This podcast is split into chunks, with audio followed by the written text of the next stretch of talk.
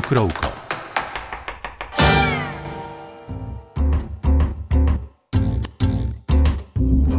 Vsa živila, ki jih uživamo surova, sodijo med potencialno nevarna, saj omogočajo hitro in progresivno rast mikroorganizmov, torej potencialnih povzročiteljev okužb.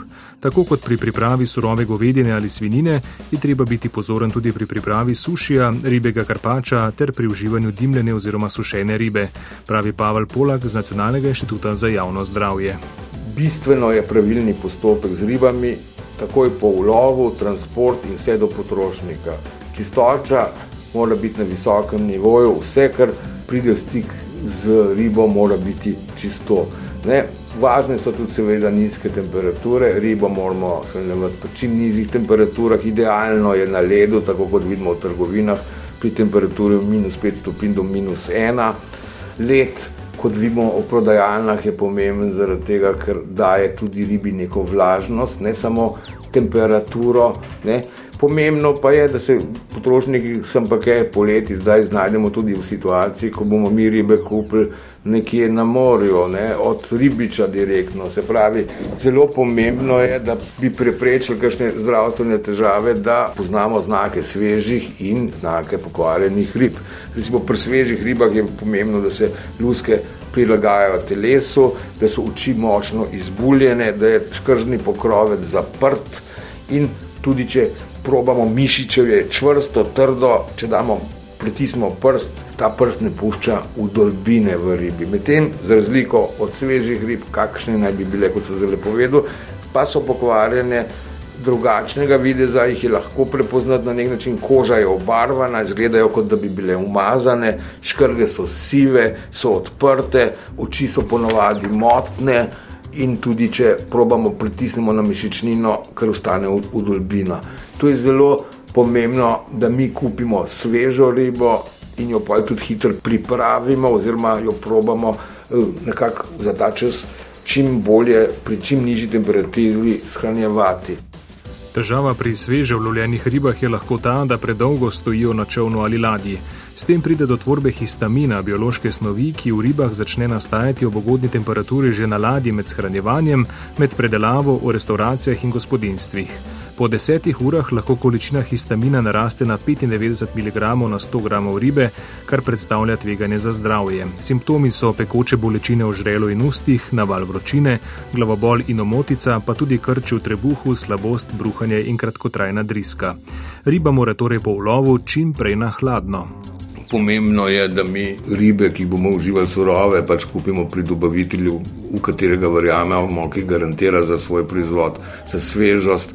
Seveda, ribe moramo čim prej pospraviti, recimo v hladilno torbo, odpeljati domov v hladilnikih in to hrano čim prej pripraviti, predvsem pa na higijenski način. Pomembno je preprečevanje navskrižne kontaminacije, glede na to, da to hrano uživamo surovo, je ne smemo na noben način onesnažiti z drugimi živili, ker bi to lahko pomenilo prenos nekih bakterij na naš suši, naš karpačo. Tudi vsa oprema, delovne površine, deske, kjer se pač vrši ta obdelava. Ne vemo, da pri sušiju je predvsej postopkov, ki jih je treba izvesti, tudi, recimo, tudi kuhanje riža, kisanje riža, vse, ko zraven pride.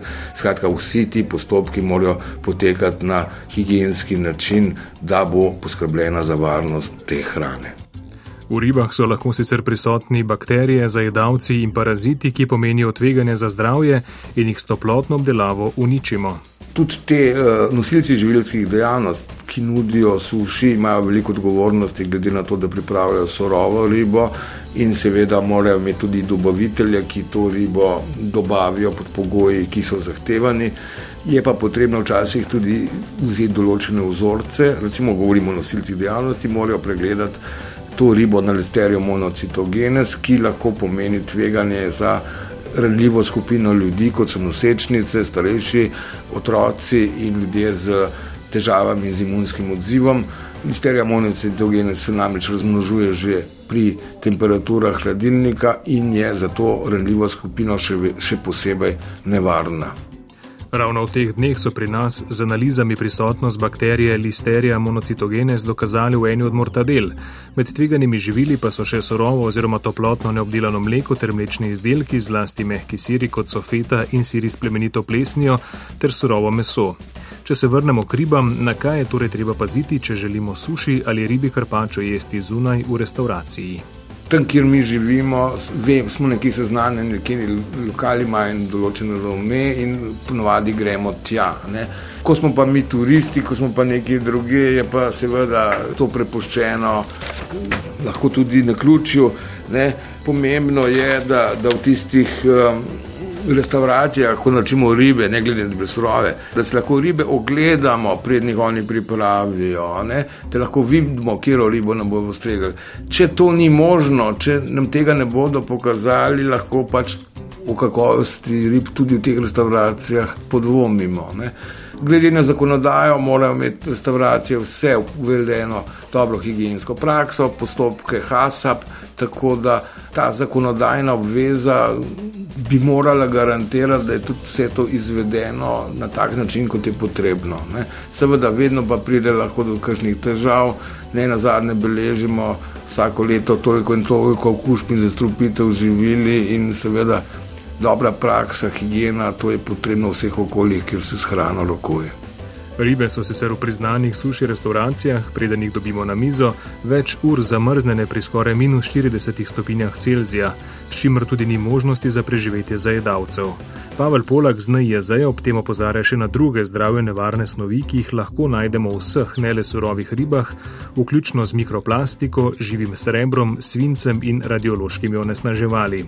Vsebina in količina neželenih elementov v ribah je povezana z vrsto ribe, z njeno starostjo, ulovom, težo z nahajališčem, sicer pa še vedno velja, da so ribe zaradi svoje sestave in hranilnih snovi v naši prehrani nepogrešljive.